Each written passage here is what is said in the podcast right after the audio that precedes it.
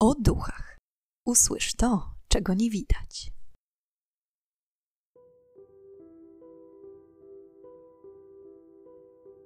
Witam i pytam, czego dusza pragnie.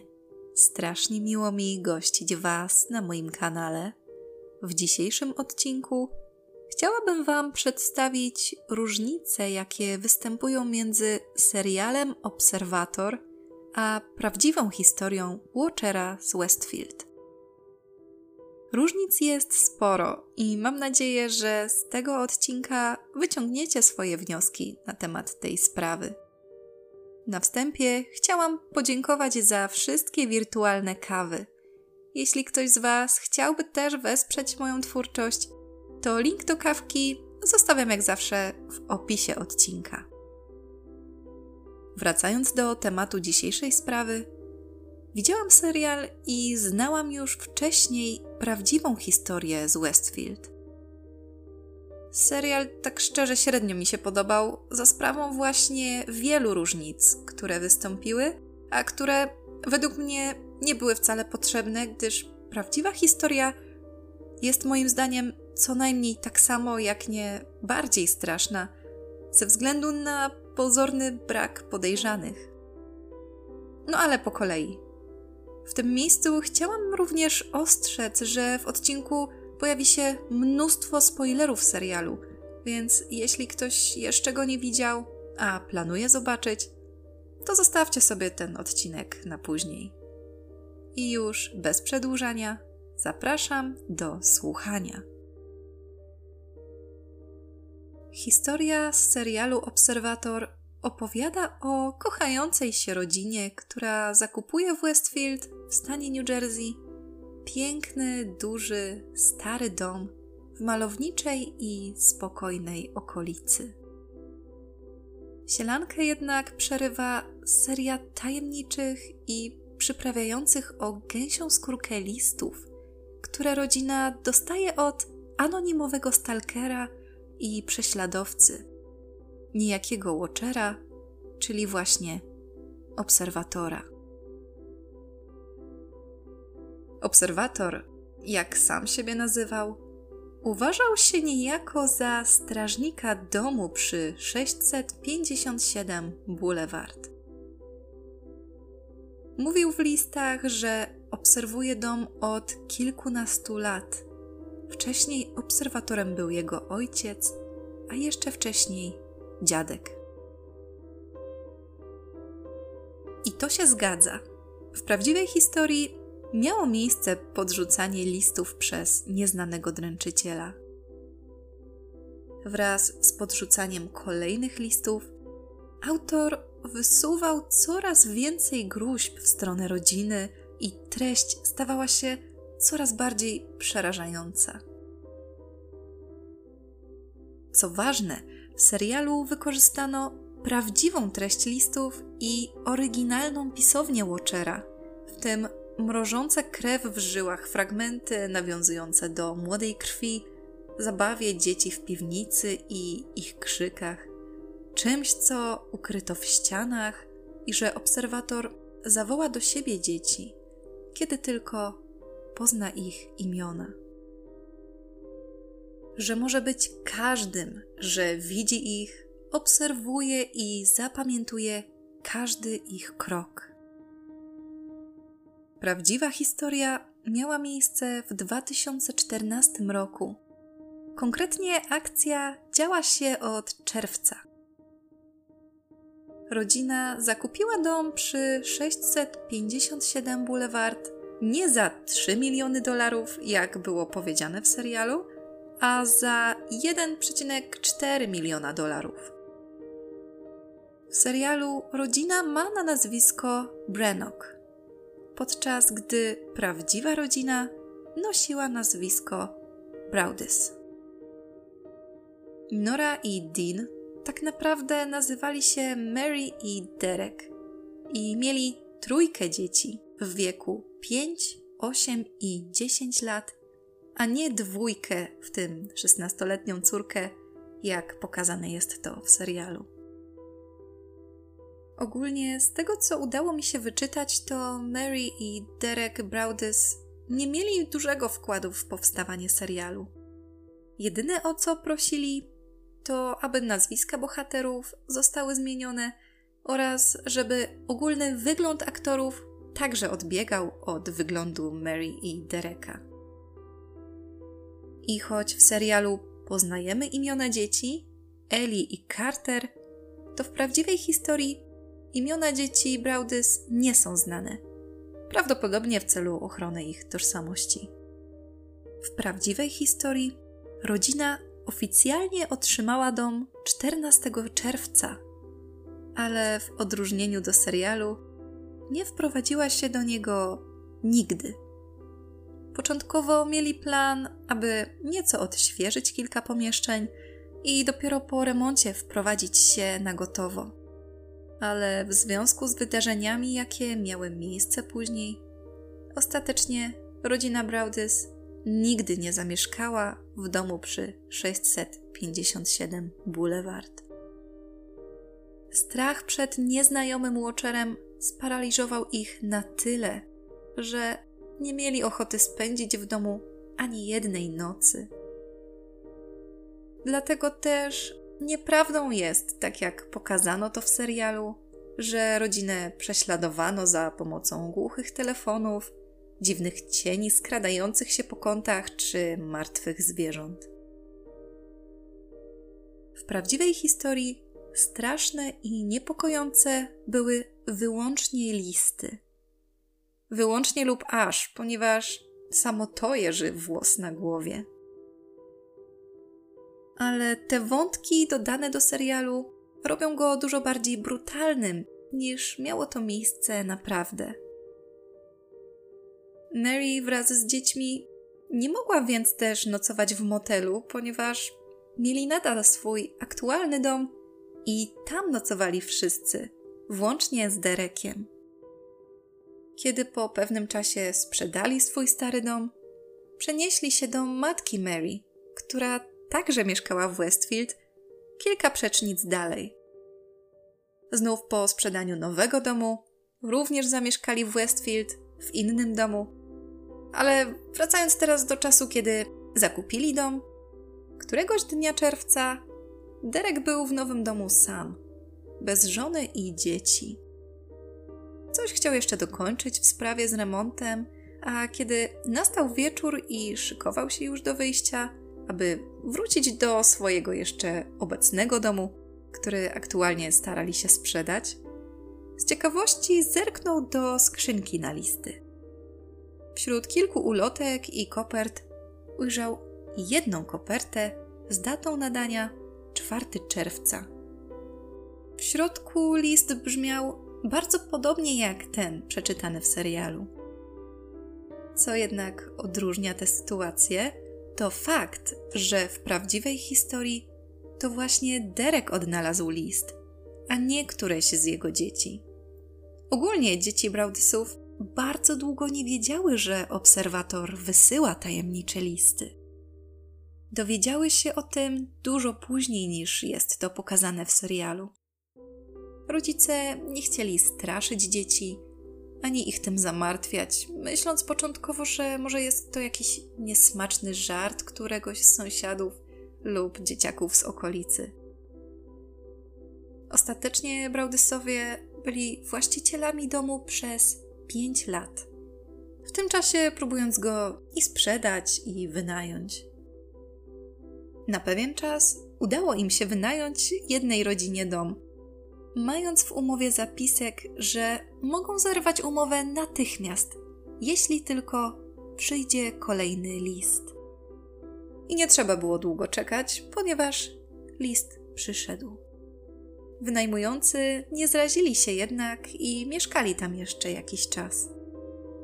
Rodzinie Braudys udało się sprzedać dom w końcu w 2019 roku za około 400 tysięcy dolarów mniej niż w dniu zakupu. Z tego co wyczytałam, pieniądze, jakie dostali za sprzedanie praw do historii Netflixowi, nie zrekompensowały straconych 400 tysięcy dolarów. Ogólnie Braudysowie podobno nawet nie widzieli serialu, nie są nim zainteresowani i nie planują go w ogóle oglądać. Może to i dobrze. Nie no, nie będę wredna. Po prostu uważam, że prawdziwa historia jest na tyle straszna w swojej tajemniczości, że te wszystkie ozdobniki nie były w serialu potrzebne. Ale do rzeczy. W prawdziwej historii nie było żadnego picia krwi niemowląt.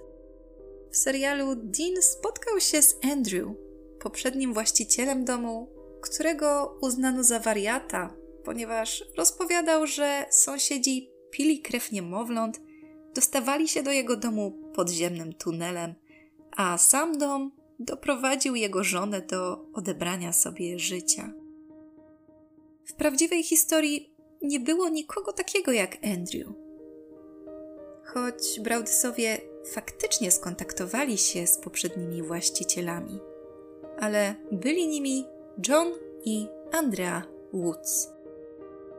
Derek i Mary dowiedzieli się od nich, że faktycznie na krótko przed wyprowadzką oni również dostali tajemniczy list, ale kompletnie się tym nie przejęli i list jeszcze tego samego dnia wylądował w śmieciach.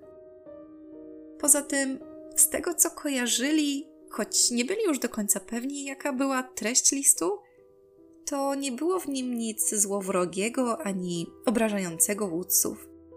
Jak zrelacjonowali, w liście było napisane mniej więcej tyle, że obserwator dziękuje im za opiekę nad domem i dbanie o niego. Woodsowie mieszkali w tym domu przez ponad 20 lat, zanim postanowili go sprzedać. John i Andrea nigdy nie wspomnieli o tym incydencie nikomu z rodziny i przyjaciół, a tym bardziej kupującej następnie dom rodzinie Braudys. Nawet do głowy im nie przyszło, że mogło to mieć w przyszłości jakieś znaczenie. Zdenerwowana rodzina Braudys po pewnym czasie zdecydowała się nawet pozwać Woodsów za ich zdaniem utajnianie informacji o domu. Koniec końców pozew został jednak oddalony. Woodsowie wiedli szczęśliwe życie w domu i nikt nigdy nie wspominał o żadnej sekcie, piciu krwi, czerwonych płaszczach i tym podobnych. A jak to było z pozostałymi sąsiadami? W serialu występuje kilkoro sąsiadów. Między innymi rodzeństwo Pearl i Jasper Winslow. I choć ta dwójka to postacie fikcyjne, była prawdopodobnie inspirowana prawdziwymi sąsiadami Braudysów. W prawdziwej historii sąsiadami rodziny była matka z synem i córką, 90-letnia Peggy, 50-letnia Abby i 60-letni Michael Langford, gdzie swoją drogą przez bardzo długi czas Michael był głównym podejrzanym o bycie Watcherem. Wielokrotnie przesłuchiwany przez policję, traktowany był tak, ponieważ lata wcześniej zdiagnozowano u niego schizofrenię, a w okolicy uznawano go za niegroźnego dziwaka, podobnie jak serialowego Jaspera. Koniec końców jednak nigdy nie znaleziono dowodów na to, że Michael wysyłał listy sąsiadom. Innymi sąsiadami byli tak zwani dresiarze Mitch i Mo.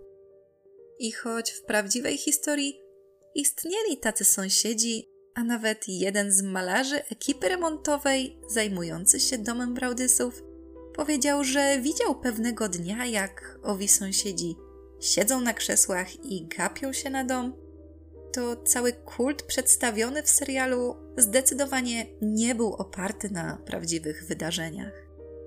Sąsiedzi nie mieli z tym nic wspólnego i była to jedynie fikcja wymyślona przez scenarzystów. W prawdziwej historii prawdą było jedynie to, że sąsiedzi ci mieli zawsze dwa leżaki skierowane w stronę domu Braudysów. Wcześniej wspomniany malarz nazwiskiem Bill Woodward powiedział dla magazynu New York Times: Pewnego dnia wyglądałem przez okno i zobaczyłem starszego faceta siedzącego na jednym z leżaków. Nie patrzył na swój dom, patrzył na dom rodziny Braudys. To może zbyt wyolbrzymione i daleko idące podejrzenia. Przecież sąsiad mógł patrzeć w stronę domu wyłącznie z ciekawości, oglądać jak idzie remont albo po prostu zapatrzył się w jakieś jedno miejsce. Ale kto wie, jak my byśmy patrzyli na wszystkich dookoła, gdyby nas spotkała taka historia. Wracając jeszcze na chwilę do Jaspera Winslowa, też nieprawdą jest, że jakiekolwiek wydarzenie miało miejsce w 1995 roku i wpłynęło na prawdziwego Michaela Langforda. Sam motyw i postać kolejnego byłego właściciela domu, Johna Graffa, jest także fikcyjna. Ale w tym miejscu niestety należy podkreślić, że jego morderstwa pokazane w serialu były inspirowane prawdziwą historią mordercy Johna Lista, który w niemal identyczny sposób pozbawił życia całą swoją rodzinę w 1971 roku. John List także mieszkał w Westfield. Jakiś czas wcześniej stracił pracę i sukcesywnie wydawał pieniądze swojej matki. Tragicznego dnia, 9 listopada 1971 roku, pozbawił życia w sumie pięć osób: swoją matkę, żonę oraz trójkę dzieci. Podobnie jak serialowy John Graff, po zabiciu matki, żony i dwójki młodszych dzieci, które wróciły akurat ze szkoły, zrobił sobie obiad, zjadł go, a następnie, jak gdyby nigdy nic, pojechał na mecz piłki nożnej swojego najstarszego syna. A wieczorem, po powrocie do domu, zastrzelił także jego. John następnie uciekł i ukrywał się przez 18 lat. Zmienił swoje dane i nawet przez jakiś czas, przekonany o tym, że jest nieuchwytny, prowadził nowe, spokojne życie. Rozpoczął pracę jako księgowy pod nazwiskiem Robert Clark. A do jego zatrzymania przyczynił się najpierw wyemitowany odcinek programu America's Most Wanted, w którym opisano zbrodnię lista, a następnie telefon sąsiadki, która zaniepokojona ogromnym podobieństwem jej sąsiada do pokazanego w programie Johna Lista, wezwała pomoc.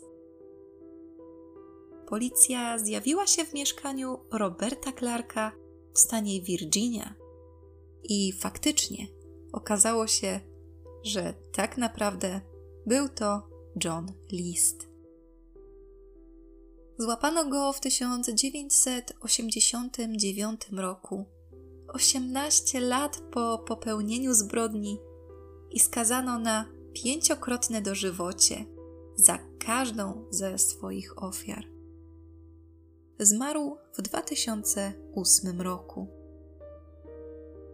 Ale wracając do sprawy Watchera, John List nigdy nie mieszkał przy 657 Boulevard i nie miał nic wspólnego z historią Watchera. Łączy go jedynie to, że mieszkał w tym samym mieście. W pierwszym odcinku serialu, podczas pierwszego spotkania, Pearl przedstawia się jako prezes Towarzystwa Ochrony Westfield. I choć stricte takie towarzystwo nie istniało, to w prawdziwej historii była Rada Planowania Westfield, która swoją drogą próbowała dość mocno uprzykrzyć sprzedaż domu Braudysom, ponieważ, jak pokazano to w filmie, choć może nie aż tak dobitnie, mieszkańcy byli przeciwni wszelkim zmianom w wyglądzie domu Zwłaszcza, że podczas prób sprzedaży domu deweloperowi Braudysowie chcieli podzielić działkę na pół, aby móc więcej na niej wybudować. Niektórzy sąsiedzi, tak samo jak serialowa Pearl, mieli mieć pretensje o chęć wycinania drzew przez Dereka. Znów Abby Langford tłumaczyła swoją niechęć tym, że dom jest piękny i od 60 lat stoi w nienaruszonym stanie. Że te dzisiejsze nowoczesne domy mają takie brzydkie podjazdy od frontu działek i że ona nie chce tego oglądać. Swoją drogą, nie mam pojęcia, dlaczego sąsiedzi w ogóle wcinali się w decyzje Braudysów. To była ich ziemia i mogli robić z nią co chcą. Ale fakt jest taki, że sąsiedzi nie byli aż tak wścibscy i nawiedzeni jak w serialu. Nie wiem nawet, czy te ich spotkania w Radzie Planowania miały jakąś moc, czy po prostu była to okazja do ponarzekania. Kolejną postacią, która wystąpiła w serialu, była pani detektyw Theodora Birch. W prawdziwej historii, owszem, Derek wynajął prywatnego detektywa, ale nic więcej o nim nie wiadomo, oprócz tego, że mimo usilnych starań nie udało mu się rozwikłać zagadki Watchera z Westfield. Znów, jeśli chodzi o mamę Stiflera, agentkę nieruchomości Jennifer Coolidge, to ani ona, ani żaden country club nie miał miejsca w prawdziwej historii. Ten wątek jest w 100% fikcyjny. Rodzina Braudys zainstalowała kamery wokół swojego domu, ale nikt taki jak Dakota nie wystąpił w prawdziwej historii. Tym bardziej Nikt taki nie filtrował z żadnym z ich małych dzieci. Jedyne powiązanie, jakie można podpiąć pod ten wątek, to to, że kiedy szukano podejrzanych o bycie obserwatorem, na krótką chwilę uwagę zwrócono na jednego z pracowników montujących monitoring. Nie dość, że był on pewien czas niemal codziennie w domu, to jak się okazało, mieszkał bardzo blisko i znał te okolice. A podczas grania w różne gry internetowe posługiwał się nikiem The Watcher. Ale w tym przypadku również zabrakło dowodów świadczących o winie pracownika. W piątym odcinku widzimy, że rodzina Brennock odkrywa w piwnicy tajemniczy tunel prowadzący poza teren ich posiadłości. Na końcu tunelu znajduje się pokój, wyglądający jakby ktoś w nim mieszkał.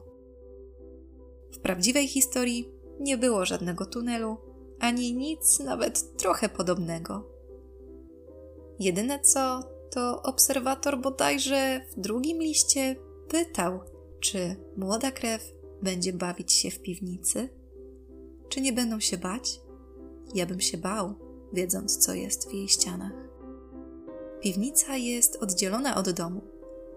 Kiedy będą krzyczeć, wy nie usłyszycie ich krzyków. Swoją drogą ten motyw skojarzył mi się trochę z filmem The Boy. Jeśli nie widzieliście, to możecie zerknąć.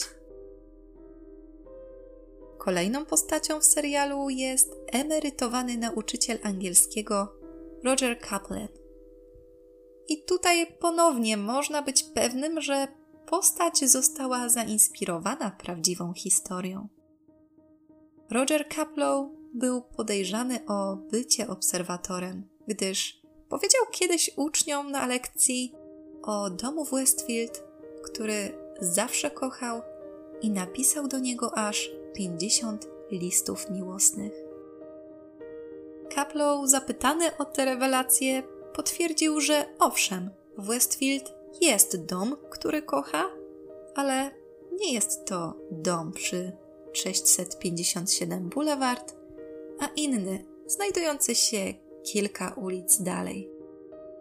Co ciekawe, brat Rogera, Richard, mieszkał tylko kilka domów dalej od domu rodziny Braudys.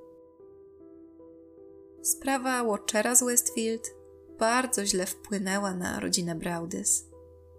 Mary miewała koszmary senne, a u Dereka z czasem zdiagnozowano depresję.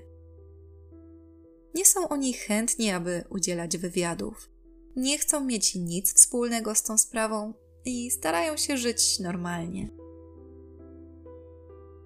Zarówno w serialu, jak i w prawdziwym życiu sprawa Watchera z Westfield nie została do tej pory wyjaśniona.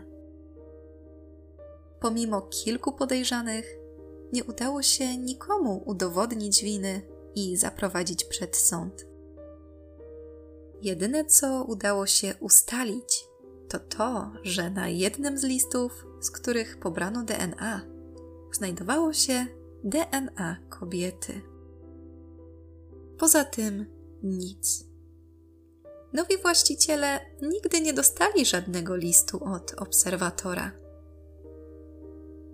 Sam Derek był przez pewien czas podejrzewany o to, że sam wkłada sobie listy do skrzynki dla jakiegoś niezrozumiałego rodzaju rozgłosu. Poza tym, tak jak w serialu, w prawdziwej historii motyw, że Derek wysyłał listy do sąsiadów, aby ich lekko nastraszyć, był prawdziwy.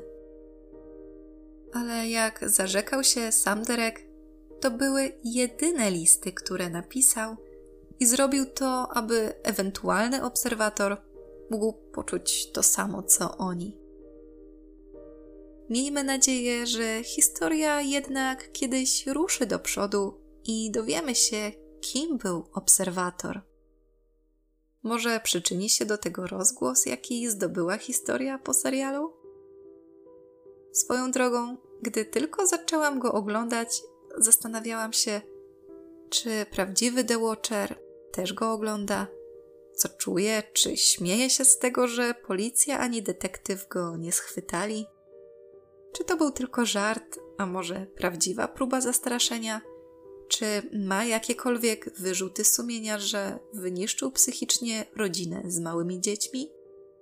Bardzo mnie to zastanawia. A czy wy widzieliście serial? Jakie są wasze odczucia? Ja jestem zdania, że niepotrzebnie przeinaczali prawdziwą historię, ponieważ ta prawdziwa również byłaby bardzo wstrząsająca, gdyby nagrać film stricte o niej. Zresztą, kiedy tylko pierwszy raz usłyszałam o Watcherze, to już wtedy myślałam, że o tym mógłby powstać kozacki film. Dajcie znać, co Wy sądzicie. Dziękuję Wam za dziś i już teraz zapraszam Was na kolejny odcinek podcastu o duchach. Tym razem czwartkowy z bestiami. Życzę Wam cudownego tygodnia i do usłyszenia